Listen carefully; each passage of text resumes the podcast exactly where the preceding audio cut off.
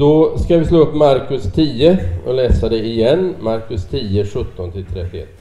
Blir det för många puffar i den kanske? Om jag drar ut den så.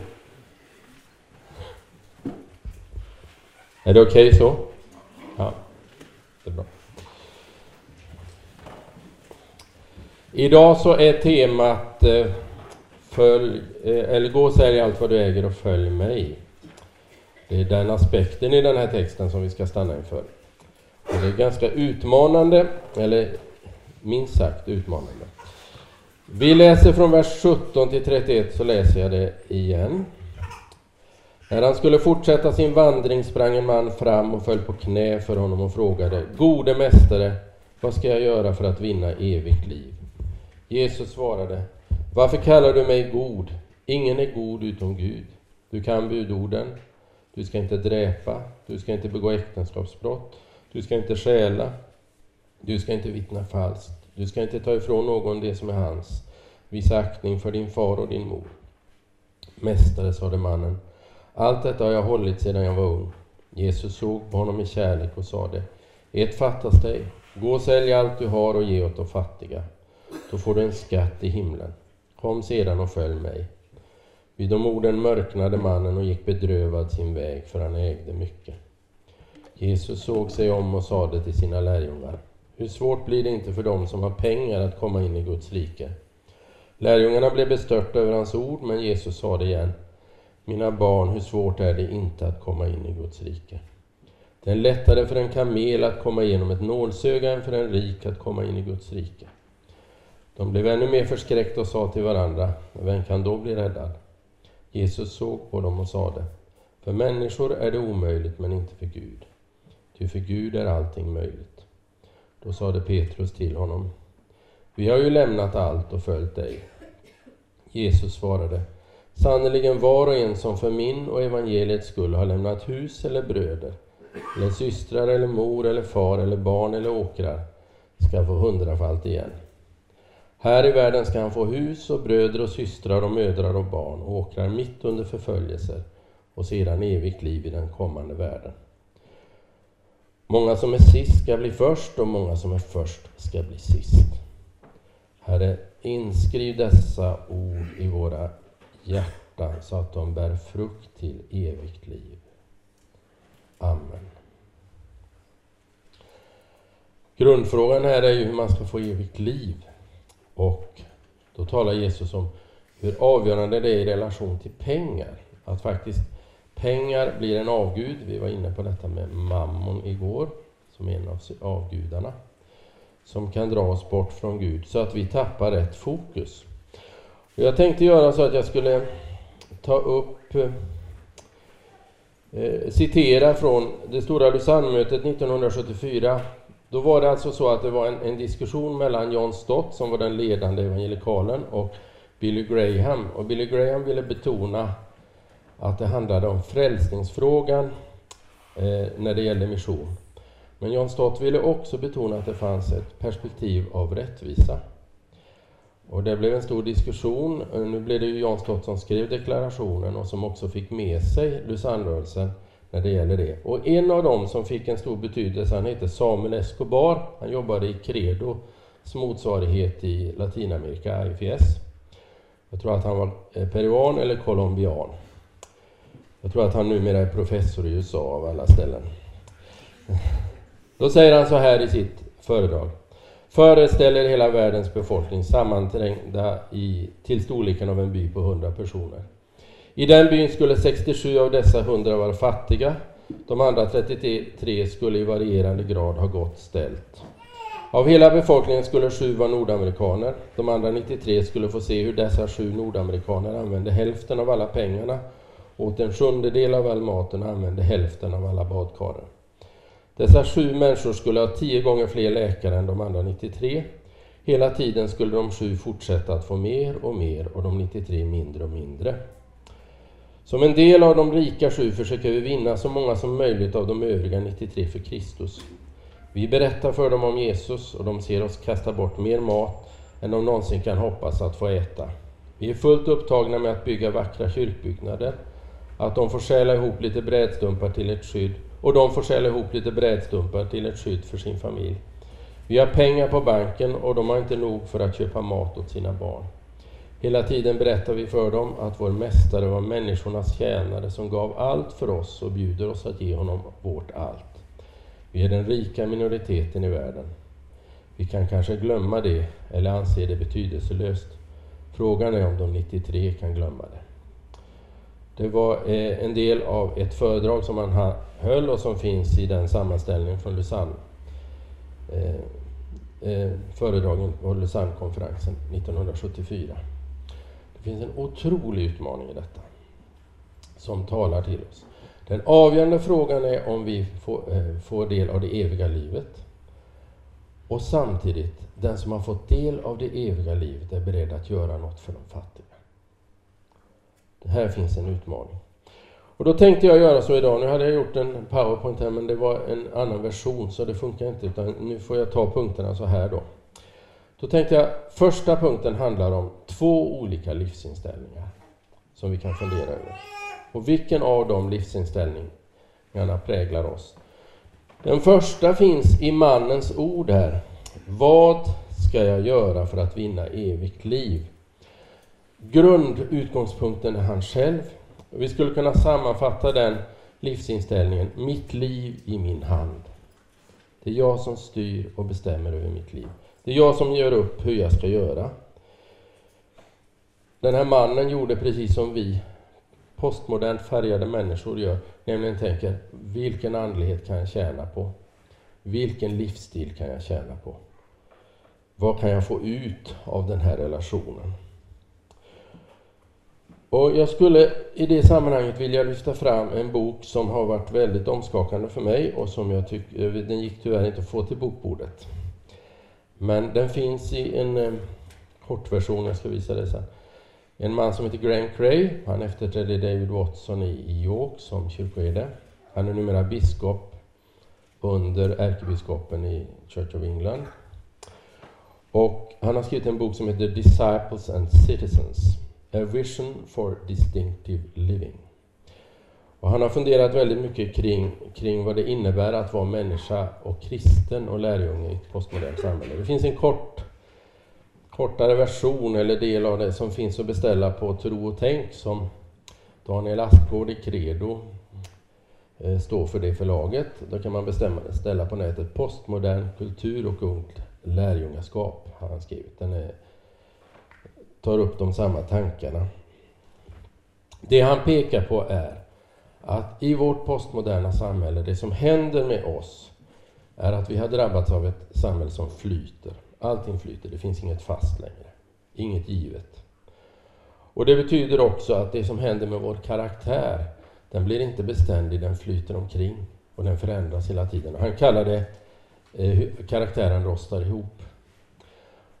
Och det yttrar sig på lite olika sätt. Han tar fram tre faktorer. Jag, jag vill bara kort säga dem för att jag tror att det hänger samman med detta att ha sitt liv i sin hand.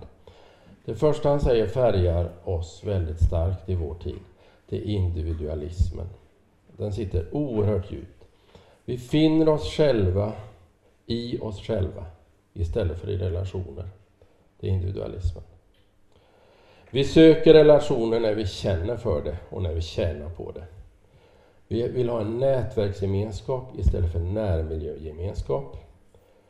Och det innebär också att vi har en bristande förmåga till tillit och lojalitet. Därför allt flyter, det finns inget beständigt. Individualismen innebär att vi utgår från oss själva, det finns ingen historia, ingen framtid, utan det är jag som är centrum i det hela. Och det finns så väldigt starkt i vårt sociologiska mönster. Eh, det finns till och med en präst, eh, eller en präst i England som har skrivit en bok som heter Liquid Church, Pete Ward heter han, den flytande kyrkan. Och det hans poäng är att man kan inte ha gudstjänster som förr utan man måste ha det på ett nätverkssätt. Det betyder att det i praktiken innebär att det blir en problematik i detta med att, att bygga relationer på det sätt som vi gör här på ett läger till exempel. Individualismen. Det andra är konsumismen som man menar är den stora ideologin som styr vårt samhälle. Det är navigationssystemet. Vi navigerar mellan alla val genom att köpa och konsumera. Vi är det vi köper och det påverkar oerhört starkt vår karaktär. Jag, jag, kan känna igen mig i det i alla fall. Jag måste ha instant tillfredsställelse, jag kan inte vänta på något eller spara för något, utan det ska ske nu. Eh, vi bygger vår identitet utifrån hur vi reagerar på de olika produkterna. Vi har ingen uthållighet och det blir en ytlighet. Och allt handlar om smaker, det handlar inte om sanning. Det här är jätteviktigt. Det handlar om min smak för saker, inte vad som är sant och viktigt. Och i hela detta konsumismen finns det en förförelse. Det kan vi se på reklamen, hur vi påverkas. Jag hade en tes när barnen var små att vi inte skulle köpa något som jag såg på reklam. Det funkar inte. Förförelsen innebär alltså att, att eh, vi luras att vi köper en vara därför att med den varan köper vi något mer. Nämligen att jag blir ung, jag blir vacker, jag blir kanske till och med lite mer sportig än jag annars skulle vara och så vidare. Då kommer jag se ut som den och den om jag köper den varan, vilket ju vore trevligt. Och då kommer vi till det tredje som är konstruktivism, jag var inne på det igår. Och det utgår från att det finns ingen given sanning, utan sanningen är någonting som vi sätter ihop. Det är som plockgodis som vi sätter ihop och så bildar vi en egen liten godisverk, verklighet som är vår. Vi konstruerar en identitet. Vi, det finns ju många som säger att, man, att kön är en konstruktion, till exempel. Sexualiteten blir en konstruktion. Relationer, mitt liv, min livsstil, allting är någonting jag konstruerar och bygger upp. Men det finns inget givet som jag utgår från. Och det betyder att vi blir plastiska i en mening. Vi blir väldigt föränderliga. Jag tog upp det här, de här tre, alltså han går in mycket djupare på det, men att jag tror att det ligger någonting i detta, att vi blir oerhört påverkade av detta. Individualismen, konsumismen tror jag påverkar oss oerhört djupt. Och att vi har någon tanke, vi är väldigt påverkade av detta. Alltså i postmodernismen ligger ju att allt är bara en tolkning, alltså finns det ingen given yttre sanning, alltså bygger jag upp min egen identitet och det är mitt val. Du kan aldrig säga att det finns något givet för andra eller för mig själv. Allt det här gör att vi blir oerhört känsliga för våra inre reaktioner hela tiden. För det är ju, jag ska landa i mig själv. Hela tiden. Den här mannen, han sa, vad ska jag göra? Mitt liv i min hand, det sitter så djupt och det finns i detta mammonstänkande. Jag ska kontrollera livet och på så sätt styra det. Det är den ena livsinställningen. Den andra är den som finns i början på texten. När han skulle fortsätta sin vandring, står det om Jesus. Vilken vandring? Jo, han var på väg till Jerusalem. Leif var inne på det första kvällen, att Jesus gick dit därför att Fadern hade kallat honom dit. Det fanns en tanke, det fanns en plan, det fanns en grundtrygghet. Och det är att Jesus hämtade sitt liv ur Faderns hand. Det är den andra livsinställningen. Mitt liv ur Guds hand. Inte mitt liv i min hand, utan mitt liv ur Guds hand. Jesus levde utifrån den grundkallelsen. Fadern och jag är ett. Fadern har kallat mig att ge mitt liv för hela världen och därigenom frälsa världen. Och så följde det honom och det gjorde honom trygg. Han kan till och med säga när han står inför soldaterna och den rasande pressen och tv och allt om vi skulle överföra det till modern tid och, och säga att ja, Gud kan, Fadern skulle mycket väl kunna sända till med legioner av änglar. Han är totalt trygg inför lidandet.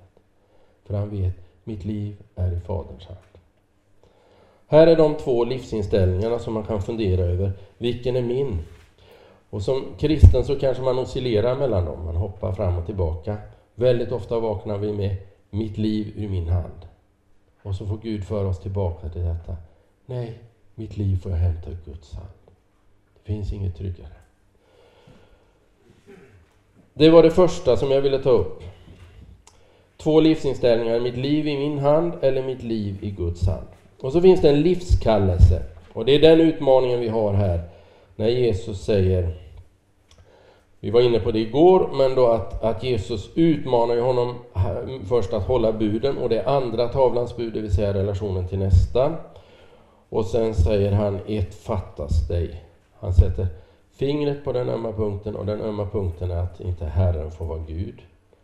Att det är den första tavlan som han har tagit bort. Och då mörknar mannen för han var kär i egendomen. Han litade på det. Och då säger Jesus eh, att gå, eh, gå och sälj allt du har och ge åt de fattiga, då får du en skatt i himmelen. Och kom sedan och följ mig. Och nu, utmaningen för den här mannen det var att lämna det som var hans trygghet och följa Jesus. Och det är samma utmaning som varje lärjunge får. När Jesus möter de lärjungarna vid Galileiska sjön så säger han Kom och följ mig och så lämnar de sitt fiske. Eh, och det finns en liknelse som Jesus använder som jag vill lyfta fram i Matteus eh, 13, vers 44 eh, som pekar på detta, som är väldigt stark. Jesus säger så här, jag kan läsa den bara om ni inte slår upp nu, men himmelriket är som en skatt som ligger gömd i en åker. En man hittar den och gömmer den igen. Och så står det, och i sin glädje går han och säljer allt han äger och köper åkern. Det finns många djup i den liknelsen, men lägg bara märke till det, i sin glädje. Han upptäcker någonting som är ännu dyrbarare än det han har. Och han är beredd att sälja allt för det. Det var det lärjungarna gjorde när de började följa Jesus. De upptäckte någon som var dyrbarare än det de hade. Det är det som den här rike mannen utmanas till. Att följa någon som är större än det han just nu har. Och Jesus avslutar som vi läste här med att säga att han ska få hundrafalt igen. Mycket, mycket mer det är den skatten som finns gömd här. Um jag tror att det är väldigt viktigt att ha det här perspektivet att kom och följ mig. Om, om ni tänker på när han kallar lärjungar i Markus 1 så står det Kom och följ mig, jag ska göra er till människofiskare. Poängen är för oss, följ Jesus, han formar oss. Det finns en liten anekdot som jag läste någonstans om Michelangelo att han kom springande var väl i Florens, eller? Stämmer det? Som han höll till? Vi säger det. Ni får rätta mig historiskt sen om det så. Så kom han, eller springande, men han kom dragande som ett stort stenblock. Och då var det någon... Vad var det för fel med det nu? ja, nej, jag, jag inser att han måste ha gått. Och han kom dragandes med detta stenblock och så var det någon som sa Varför har du detta stenblock? Vad ska du med det till? Och då sa han Jag ska dra fram den människa, eh, den skulptur som finns i det här stenblocket. Och på ett sätt är det precis det som Jesus ska göra. Han ska dra fram den nya människa som han vill skapa i oss. Den som börjar följa honom börjar han forma. Och den som han börjar forma, den kan förvandlas. Det var det som hände med Petrus. Tänk vilken, vilka många missar han gjorde genom även som eh, på ett sätt färdig lärjunge. Vi har om det i Galaterbrevet 2 till exempel. Eh, exempel på hur han gör bort sig igen. Och ändå kan vi se, när vi läser Petrus första och andra brev, vilken förändring som har skett i hans liv. Den som börjar vandra med Jesus börjar också förändras. Och därför är det här, den här utmaningen, gå och sälj allt vad du äger. Jag ska komma tillbaka till det om pengarna alldeles strax. Men, och kom och följ mig. Huvudpoängen är just det här att när han har lämnat det och börjar följa Jesus, det är då livsförvandling kan börja ske. Och det är då han kommer upptäcka skatten som är mycket större än den som man faktiskt har. Eh, det här ordet på grekiska, höra, det heter akoo. Och att lyda, det heter hypoakoo. Det vill säga, det betyder egentligen ordagrant att ställa sig under hörandet. Att lyda är att höra vad Jesus säger och ställa sig under det och börja följa det. Och då kan vi börja förvandla. Och Det är därför jag tror det här med bibelordet är så fruktansvärt avgörande. Därför där finns den skapande kraften. När Jesus handlar kan ni se att han handlar genom att tala. Väldigt, väldigt ofta så är det, han talar ord och så händer det saker. Det är därför vi har Bibeln som en uppenbarelseförmedling till oss. Och Det är det som gör också att när det får sjunka in, när vi låter det gå rakt igenom, att vi vi fäller ner våra förbehåll, vi får gärna ställa frågor och brottas med det, men när vi fäller ner det och det får börja verka i kraft i oss, det är också då som vi kan börja förvandlas. Och Det är därför det också man skadar sig, som Jesus säger, att han blir en stötesten, en klippa till fall, när man börjar kämpa mot bibelordet och liksom försöka hålla det ifrån sig så att det inte får gå in i oss. När David sa, fick höra du är den mannen och böjde sig för Guds ord till honom, då förvandlades han. Salomo visste Guds ord som vi var inne på igår, men gav inte rum för det och förföll i sin tro. Vi kan ha jättemånga exempel på detta, men jag tror att det är väldigt viktigt. Den avgörande punkten är att vi börjar följa Jesus. Martin Luther uttrycker det så underbart i sin fantastiska programmatiska skrift som varje kristen borde läsa om en kristen människas frihet. Det är ingen ny lag jag säger. Finns på bokbordet. Om en kristen människas frihet. Bra! Goda gärningar gör inte en kristen, men en kristen gör goda gärningar.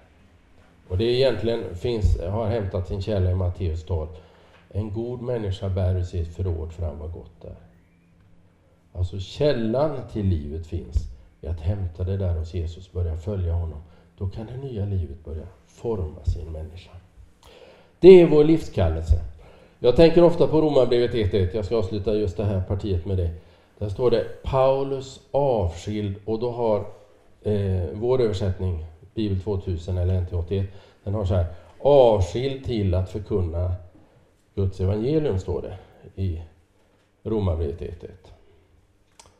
Och det är ju underbart. Men om man tittar då, Gerts översättning är så här. Paulus avskild för evangelium. Och i grundtexten står det egentligen så.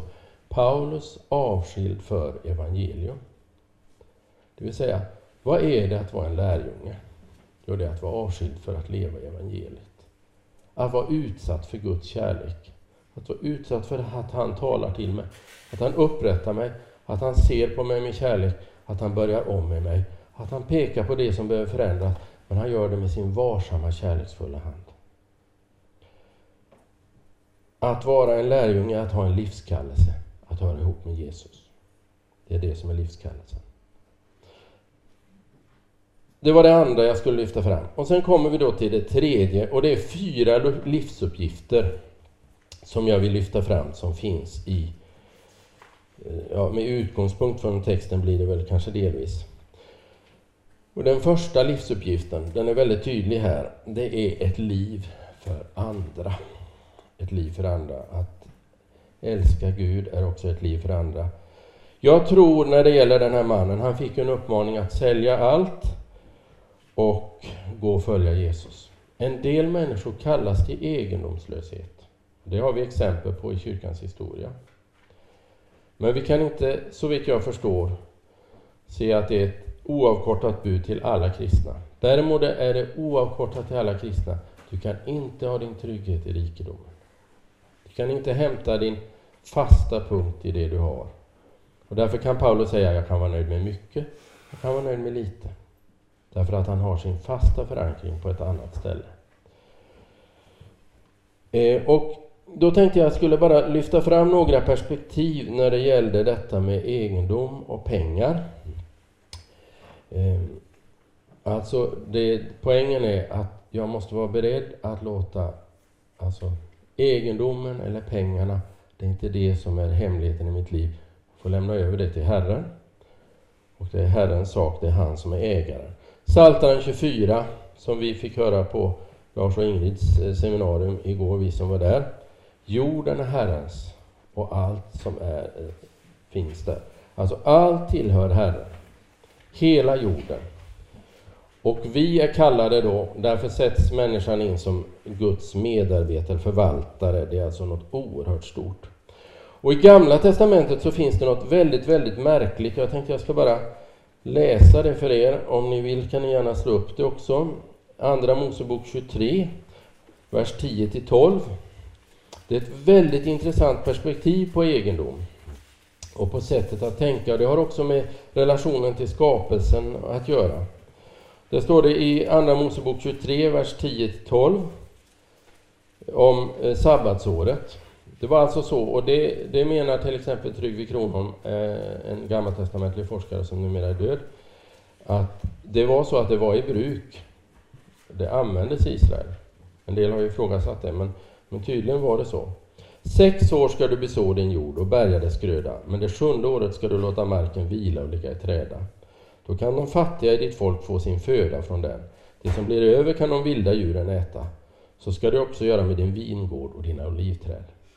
Det finns en omsorg om det skapade, om att det ska få ligga i träda, om att inte ha rovdrift, att göra slut på allt med en gång, utan även tänka på kommande generationer. Och om ni går till tredje Mosebok 25, eh, vers 8 till 12, så finns det något som kallas jubelåret.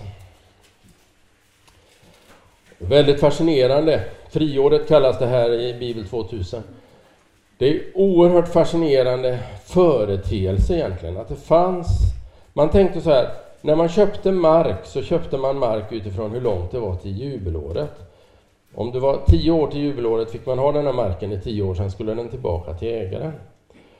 Och då, det fanns någon form av tanke att, att en människa hade fått sin lott och skulle använda den. Alla utom prästerna eller leviterna. För de, de hade ingen lott i Israel, utan de skulle tjäna i templet och fick ta emot tionde av det övriga folket. Och Det är oerhört fascinerande då så hur man tänkte om jubelåret. Alltså det fanns en, ett enormt rättvisepatos här.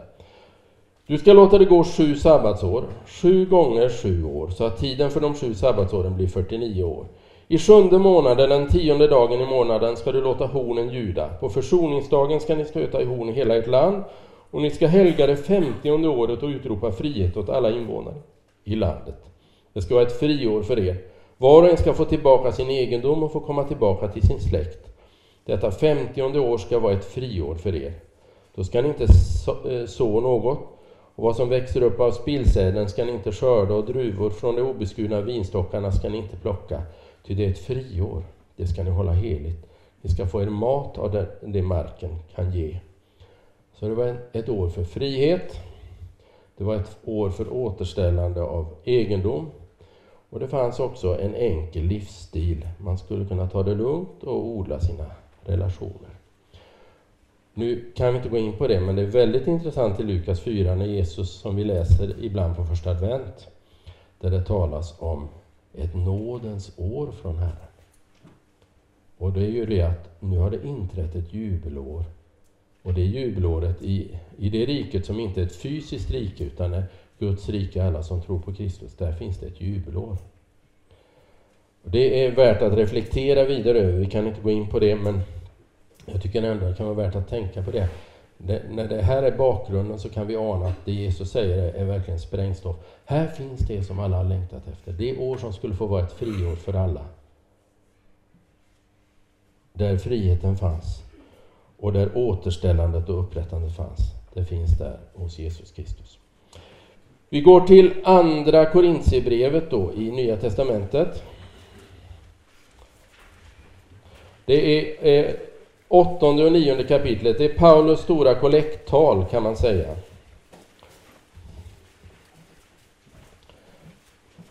Jag vill bara lyfta fram de här texterna så ni ser dem och ni får gärna fördjupa er i dem sen, men jag läser bara brottstycken.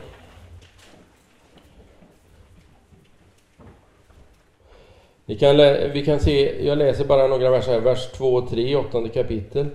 Under många svåra prövningar, det är församlingarna eh, som då skänker eh, ja, eh, pengar här. Under många svåra prövningar har deras översvallande glädje och deras djupa fattigdom överflödat i den rikaste givmildhet. Jag kan försäkra er, efter sin förmåga, ja, över sin förmåga har de gett. De kom självmant till mig och tiggde och bad om att få vara med och hjälpa det heliga. En väldigt intressant inställning.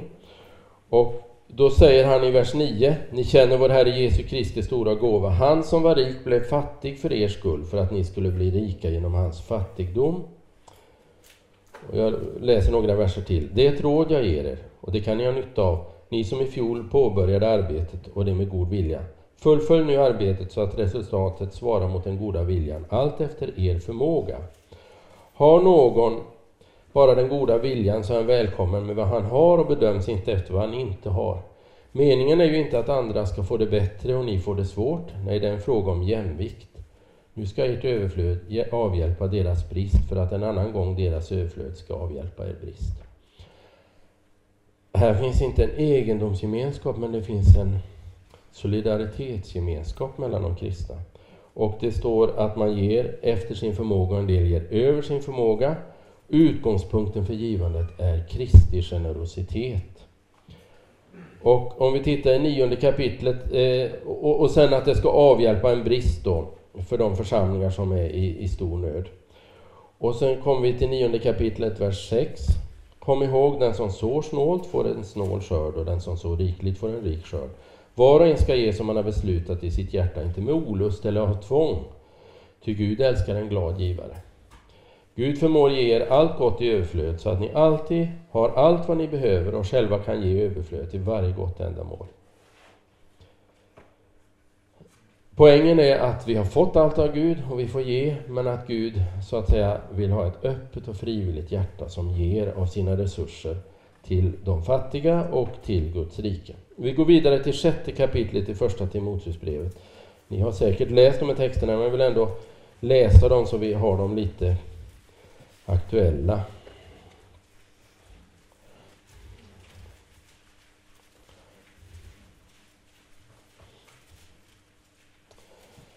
Och då läser jag från vers 7 i sjätte kapitlet i första Timoteusbrevet. Tomhänta kom vi till världen och tomhänta ska vi gå ur den. Det är ju en, en djup sanning. Det är värt att tänka på. Det kan vi säga till faraonerna. Men vi kunde vända det till oss, för vi tänker ju så ofta att vi skulle ha med oss så mycket. Man kan ju fundera över hur mycket man samlar, som någon var inne på här. Har vi mat och kläder ska vi vara nöjda. De som vill bli rika låter sig snärjas av frestelsen och faller offer för de dåraktiga och skadliga begär som störtar människorna i fördärv och undergång. Kärleken till pengar är roten, står det här. Folkbibeln har en rot, jag tror att den har mer för sig, eh, till allt ont. Genom den har många förts bort från tron och vållat sig själv mycket lidande. Och så går vi till vers 17. Säg åt dem som är rika i denna världen att inte vara högmodiga och inte bygga sitt hopp på något så osäkert som rikedom, utan på Gud som rikligt skänker oss allt vad vi, allt vi behöver. Säg åt dem att göra gott, att skaffa sig en rikedom av goda gärningar, att vara frikostiga och dela med sig. Så kan de samla en skatt som är en god grund för den kommande tiden och vinna det verkliga livet. Paulus poäng här är att inte ha sin förankring i rikedomen, utan rikedomen är ett medel för att leva ett liv för andra. En kristen kan vara rik, men behöver använda det för det gemensamma bästa och för Guds rikes bästa. Och i det ligger också att förvalta det på ett gott sätt, givetvis. Men hela tiden med den inriktningen. Det är inte, det är inte för min lyx i första hand, utan det är för andra. Eh, satt in i ett perspektiv. Jag har fått det för att ge. Jag har fått förintet, så jag får ge förintet. Vi kan tänka på, i Bibeln finns det ju flera exempel på personer som är rika. Vi tar kan ta Josef av Arimathea som satt med i Stora rådet. Det han gör är att när Jesus dör, då ordnar han en superfin grav till Jesus. Och han vågar också trotsa hela det motstånd som finns runt omkring honom och ta Jesu kropp och se till att han får den värdig begravning. Rikedomen som en människa har fått kan användas till goda gåvor till människor och till Guds rike. Faran är när det får ta hand om vårt hjärta och det blir vår trygghet. Den rika skatten som Paulus talar om, det är den skatten som finns i att giv så blir det givet. Alltså att den som ger får uppleva någonting av glädjen i livet som är mycket, mycket större än det här samlandet. Så det, på det sättet, ett liv för andra, det, det innebär ju inte att ha den inställningen utan att ha den inställningen. Och i den finns en välsignelse som går tillbaka till den som ger. Så är det med Gud. Han ger frikostigt och han får så mycket tillbaka, men han får mycket skräp också. Och det får vi också kanske uppleva ibland, otacksamhet på olika sätt om vi, om vi ger. Men vi kommer ändå få veta det att den grundläggande perspektivet, Gud ger frikostigt till mig mycket mer än jag är värd att få. Jag ska summera detta bara med att säga skapelsen är viktig. Det finns i det här perspektivet. Att vårda det som vi har fått att förvalta. Och I Luthers teologi har man sagt att man delar, säger att Gud använder två händer. Skapelsen och frälsningen. Och I skapelsen där kan alla människor, även en icke-kristen, finnas med och man kan verka tillsammans med människor av annan tro och fungera tillsammans på allra bästa sätt. Alla människor har god vilja. När det gäller frälsningen, då är inte alla Guds barn automatiskt, utan då måste man dras in i en relation till Jesus för att vara ett Guds barn. Men Gud använder båda de här händerna och då kan man också tänka det att man kan vara frimodig i till exempel att verka för det goda och det rättvisa tillsammans med människor som inte har en kristen ståndpunkt. Jag tror att det är viktigt att ha med sig det i förvaltandet. Jag tror också att det är viktigt att säga att vilan är viktig för skapelsen men också för oss. Tänk så märkligt det är. Det står att det var fullbordat när Gud vilade på sjunde dagen. Jag vill bara trycka på det. Ingenting är färdigt förrän vi har vilat efter det. Jag tror faktiskt det ligger något i det. Så när, när man har gjort någonting, en stor insats, så behöver man få vila några dagar och liksom återhämta sig. Och det är därför jag tror detta med sabbaten eh, som vi har överfört till söndagen, som egentligen på ett sätt, tror jag för min del, inte direkt påbjuden, finns under frihet, men ändå är den nödvändig för vi behöver den här vilan.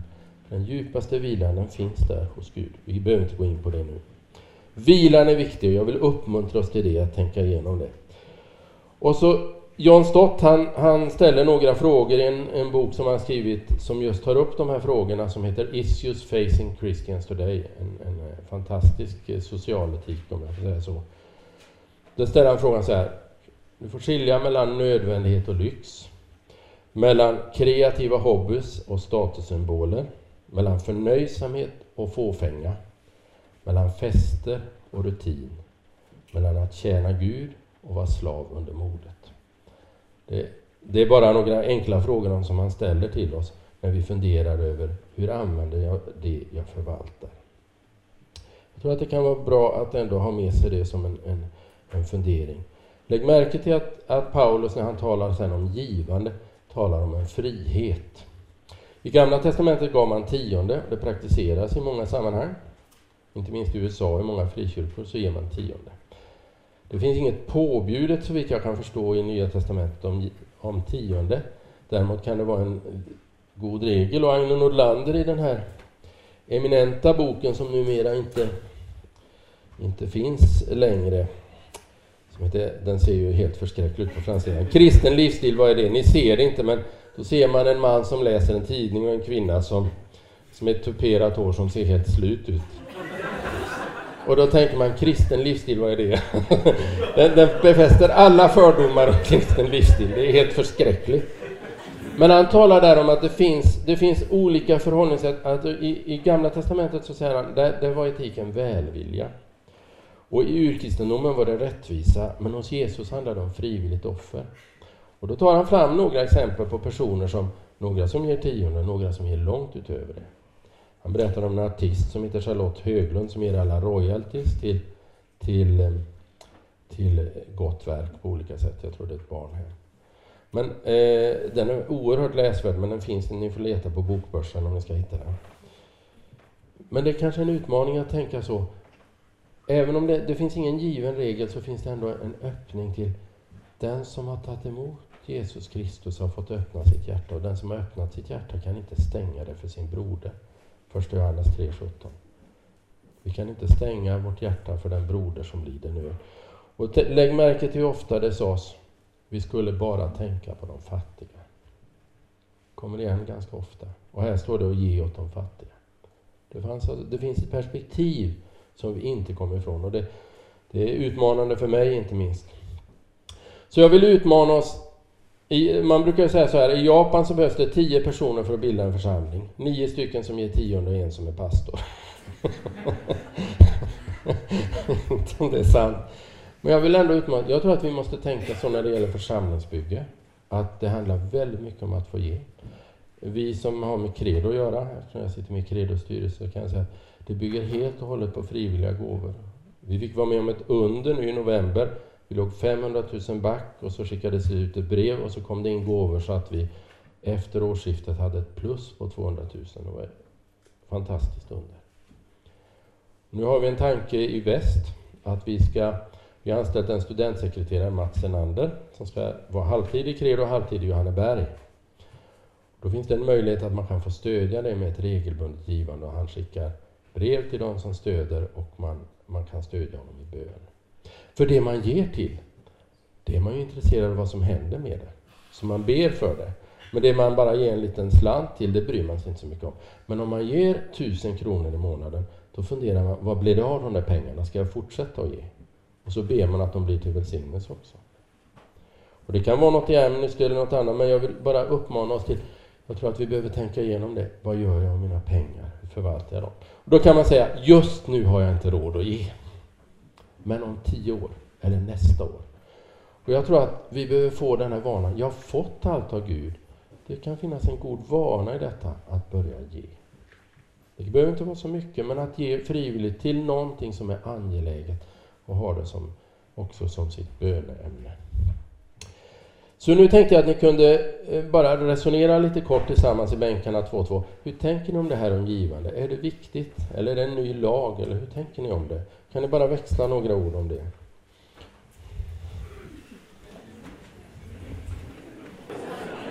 Ja, jag ber om ursäkt att jag, jag hoppas ni fortsätter den funderingen och samtalet. Jag tror att det kan vara någonting som man ändå får göra, att man, man inför Gud får fatta ett beslut. Du har gett mig allt det här, tack för att jag har fått det. Nu lämnar jag tillbaka det till dig och så kan man kanske fatta ett beslut att jag, jag vill regelbundet försöka ge till just det eller det. Jag tror att vår tid är så, som jag sa, instant präglad så att man kan hoppa sådär, men det är just den här troheten som kan vara viktig i bön och i givande. John Stott och C.S. Lewis, båda de har ju låtit stora delar av sina royalties gå till viktiga saker. John Stott har ju skrivit över 50 böcker, jag vet inte om ni känner till honom, en fantastisk förkunnare. Eh, han blev klar över att Gud kallade honom att leva ogift. Han har levt som präst i London i stort sett hela sitt liv. Han har slutat predika nu på ett äldrehem, äldreboende. Men han har låtit stora delar av royalties för sina böcker gå till att pastorer och präster och eh, ledare i församlingar i tredje världen ska kunna få möjlighet till böcker och teologisk litteratur så att de kan fungera. Det är alltså rätt fantastiskt. Om jag skulle gjort en bok så skulle jag tänka att det kan gå till den stugan eller den resan. Men så tänkte inte han. Han tänkte, jag ger detta till Guds rike.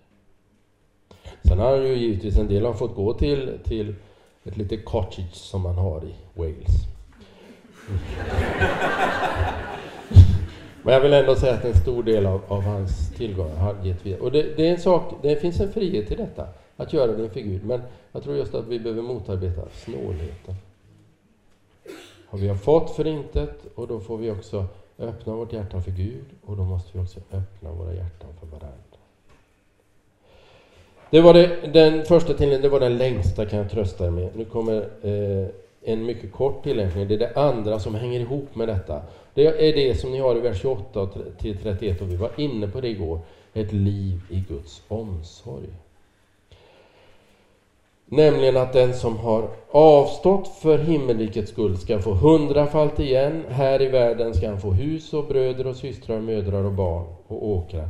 Och lägg märke till, som jag sa igår, Fader står inte med därför att den himmelske Fadern är min fader. Det finns en trygg och fast punkt. Min gode far vill mig väl. Och i det sammanhanget kan det väl vara gott att få stava på det som står i Matteus 6. Jag, eh, jag bara citerar några verser där i, i det här, de här fantastiska orden av Jesus. Därför säger bekymra er inte för mat och dryck att leva av eller för kläder att sätta på kroppen. Är inte livet, det vill säga att vi har fått livet, mer än födan och kroppen? Och kroppen mer än kläderna, att vi har fått kroppen. Det är ju större än, än kläderna. Se på himlens fåglar, de sår inte, skördar inte och samlar inte lader, men den himmelske fader föder dem. Är ni inte mycket mer värda än det? Och så står det också att er himmelske fader vet att ni behöver allt detta. I detta med att ett liv i Guds omsorg, så tänker jag på det Ingela sa första kvällen här. Att få stanna upp och summera sin dag och också se vad jag fått se av Gud i mitt liv. Jag tror att det kan vara en hjälp för oss att varje dag stanna upp och kanske tacka Gud för tack för det här som jag fick. Tack för den, det mötet. För då blir vi också klara över att Gud har varit mycket mer verksam i mitt liv idag än jag trodde. För han gör så mycket mer än vi ser. Och därför säger Jesus, man kan ha det som en devis, se på fåglarna. Det är egentligen en påminnelse. Gud har, man behöver inte vara fågelskådare för det. Utan det, det är faktiskt en hemlighet i detta. Vi får be Gud varje dag, hjälp mig att se din omsorg. För det finns en omsorg varje dag, mycket närmare än vi tror.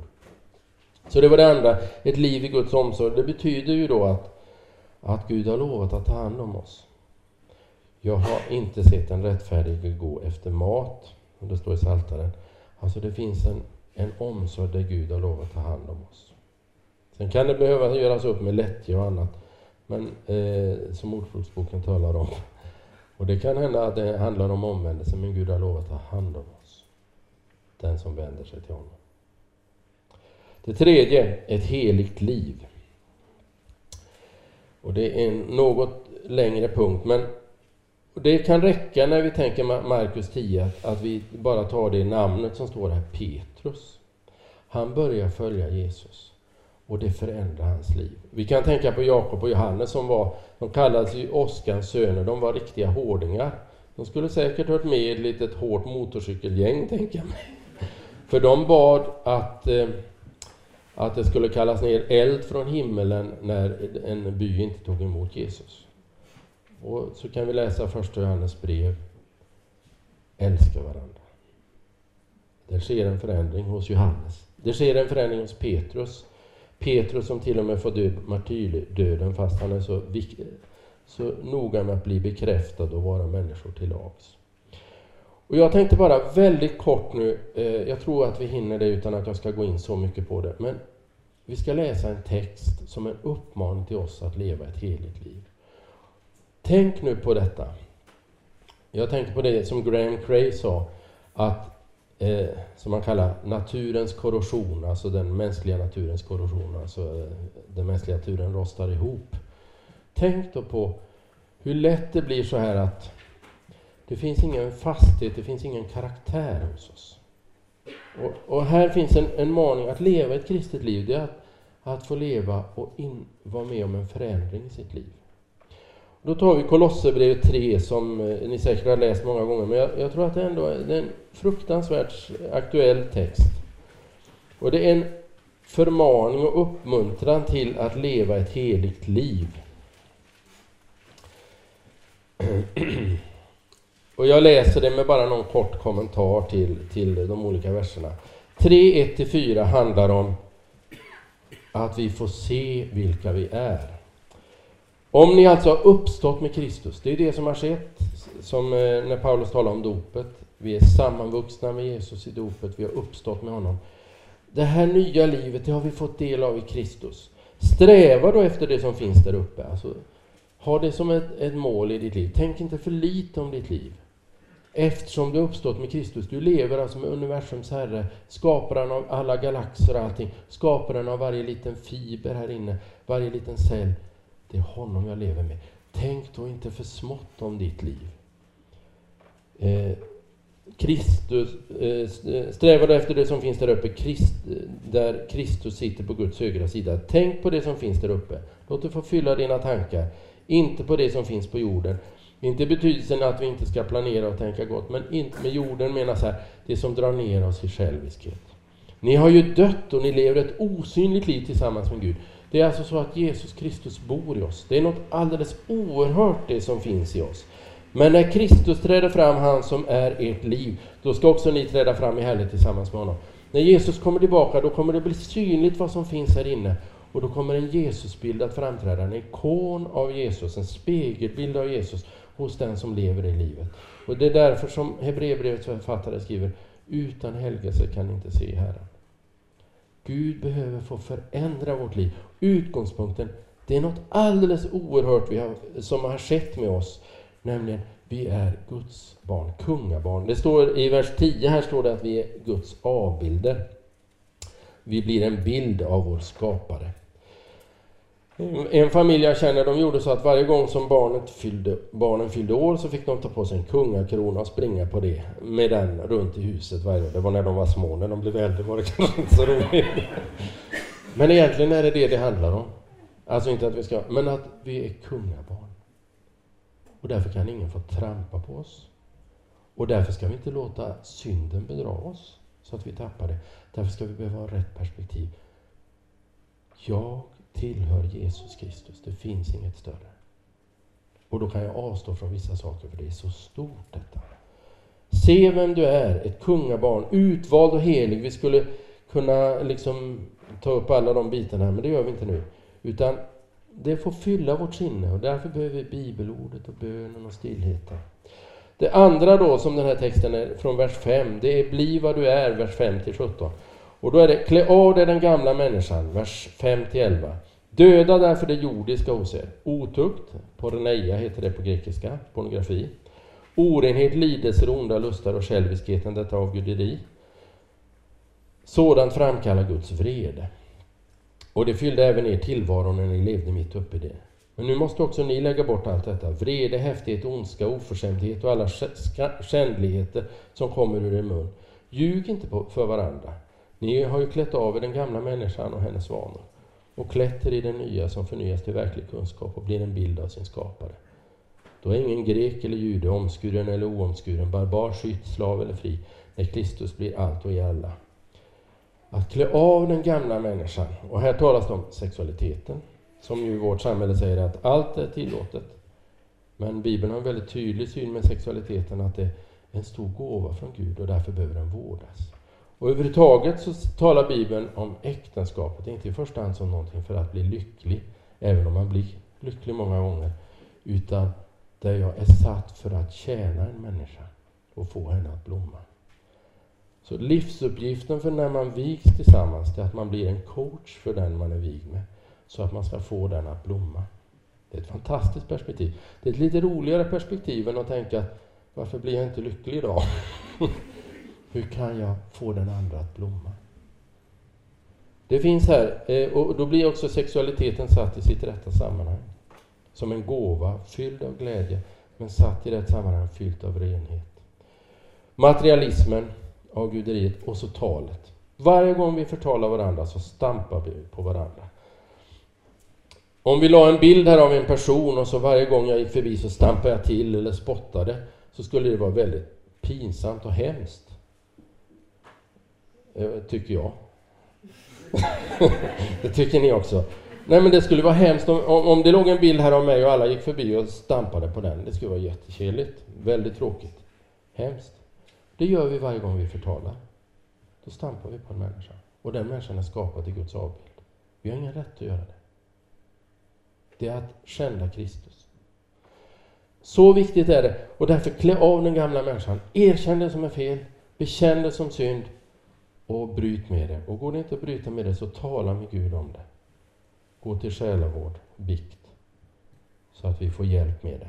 Klä av den gamla människan och så klä på dig den nya. Och då står det ju det står i vers 10 där, klätter i den nya som förnyas till verklig kunskap och blir en bild av sin skapare. Och så står det i vers 12, som Guds utvalda, heliga och älskade ska ni alltså klä er i innerlig medkänsla, vänlighet, ödmjukhet, mildhet och tålamod. Om Jesus bor i mig så kan det Jesus liv få börja komma fram. Jag kan inte med den här människan. Herre, du älskar henne. Älska henne genom mig. Ha fördrag med varandra. Det är inte lätt. Och var överseende om ni har något att förebrå någon. Det är inte lätt i ett arbetslag. Liksom Herren har förlåtit er ska också ni förlåta. Det kanske är ännu svårare att förlåta än att be om förlåtelse.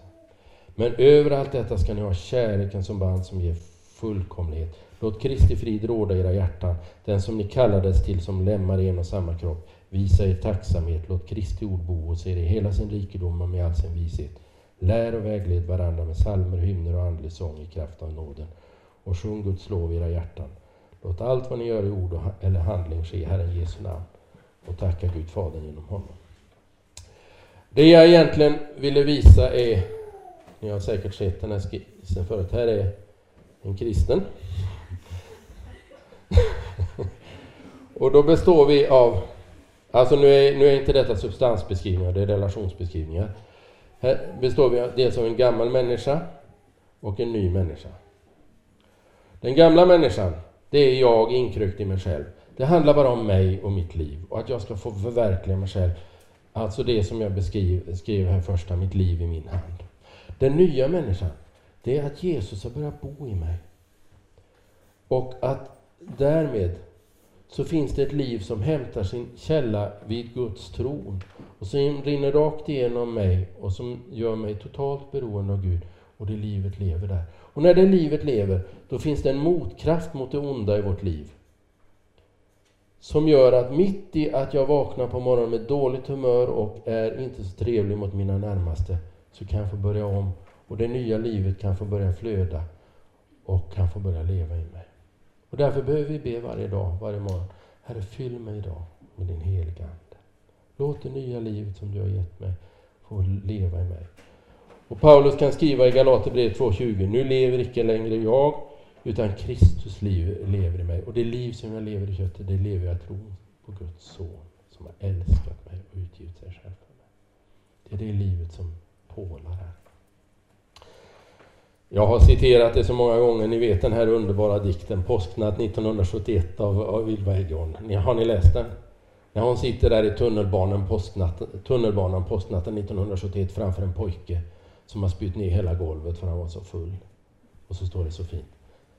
Hur kunde dina sånger blomma i mina ögon så att han log mot mig när jag sa jag ber för dig. Det nya livet som kan komma i händerna, i ögonen, i munnen, i fötterna. Vi är kallade att leva ett sådant liv, inte hålla oss här nere, utan tänk på det som hör hemma där Kristus sitter på sin tron. Det nya livet ska få leva i oss. Och det är möjligt att leva därför att Kristus bor i oss. Och därför finns det en kamp varje dag. Vi kommer falla, men vi kommer också få vara med om att Gud handlar med oss. Att det går att bryta med en dålig vana. Att det går att älska en människa som vi egentligen inte står ut med. Att vi kan uthärda under de vidrigaste omständigheter och ändå återspegla något av Gud. Den fjärde och sista punkten då, som avslutning. Det är vers 28 till 31 igen. Vad handlar det om? Syster och bror och så vidare. Hus och bröder, systrar och mödrar och barn och åkrar. Det är ett liv i gemenskap. Det är nämligen ett liv i församlingen. I den här boken så är hans tes att i denna tid som är präglad individualism, konsumism och konstruktivism så finns det bara en motkraft, som, eller, den stora motkraften för oss, det är ett liv i gemenskap, i församlingsgemenskap. Och jag, jag tror att det, det, är nog alldeles rätt. Vi behöver en kristen gemenskap att vila oss mot. Det är det största motgiftet mot individualismen. En enkel gemenskap, Kanske ibland en måltidsgemenskap, en basgemenskap, kanske en böne och bibelgrupp. Och en fråga vi kanske kan återvinna söndagen. Församlingen, jag fick läsa om något som kallas Emerging Church förra våren. Jag fick vara tjänstledig eh, för att läsa lite. Och Emergent Church är ett nytt sätt att vara kyrka kan man säga som, som egentligen är ganska samfundslöst i en mening, kan befinna sig inom olika samfundsgrupper. Men det är ett sätt att försöka relatera till den postmoderna kulturen. Det finns mycket man kan fundera över det och mycket som jag kan vara kritisk där. Men det grundläggande i det, det är att man vill vara en förkroppsligad gemenskap. Och man menar att, att vara kyrka, det måste handla mycket mer om gemenskap, om plats för främlingen, om att dela livet tillsammans. Och till exempel apologetik handlar inte bara om att säga sanningar, utan det handlar om att vara tillsammans, apologetik, ett vittnesbörd om att Gud lever. Ja, vi behöver inte, jag ser att min tid är ute, utan jag vill bara säga det att jag tror att detta med församling, det, det är så avgörande. Och därför, nu, nu, vi kommer in på det imorgon när vi ska tala om, om detta med för Gud är ingenting omöjligt, för jag tror att många av oss kämpar med det. Hur ska jag hitta en gemenskap, en kristen gemenskap som kan fungera för mig? För så många gånger så är det finns kanske ingenting vi har blivit så besvikna på som den kristna gemenskapen. Vi får se om vi kan komma in på det lite imorgon. Ja, då summerar jag detta. Två livsinställningar, mitt liv i min hand eller mitt liv i Guds hand. En eh, stor livskallelse. Följ mig. Jag ska förändra dig, säger Jesus. Jag ska göra dig till människofiskare. Fyra livsuppgifter. Ett liv för andra och det har väldigt mycket med vår egendom att göra. Vår inställning, grundinställning där. Ett liv i Guds omsorg, att Gud har lovat sörja för oss. Ett heligt liv, att Jesus förkroppsligas i vårt liv, så att han blir synlig i vårt innersta. Och ett liv i gemenskap.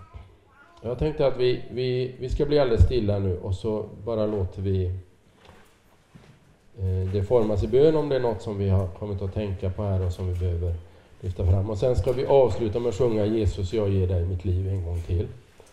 Som avslutning. Men vi blir alldeles stilla och så ber vi tillsammans.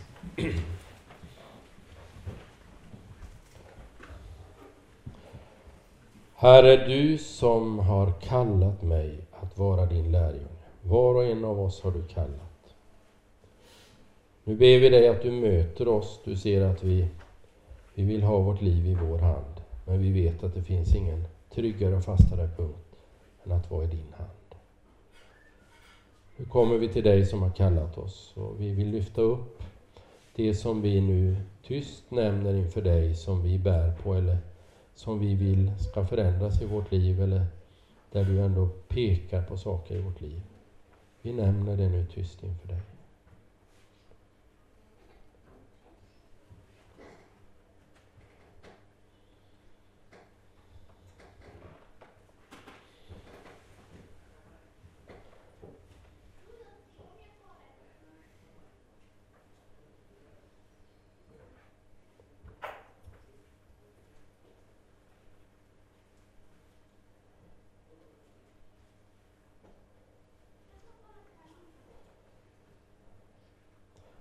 Jesus, jag ger dig mitt liv. Tag emot mig som jag är. Amen. Ära vare Fadern och Sonen och den helige Ande. Så som det var av begynnelsen, nu är och skall vara, från evighet till evighet. Amen.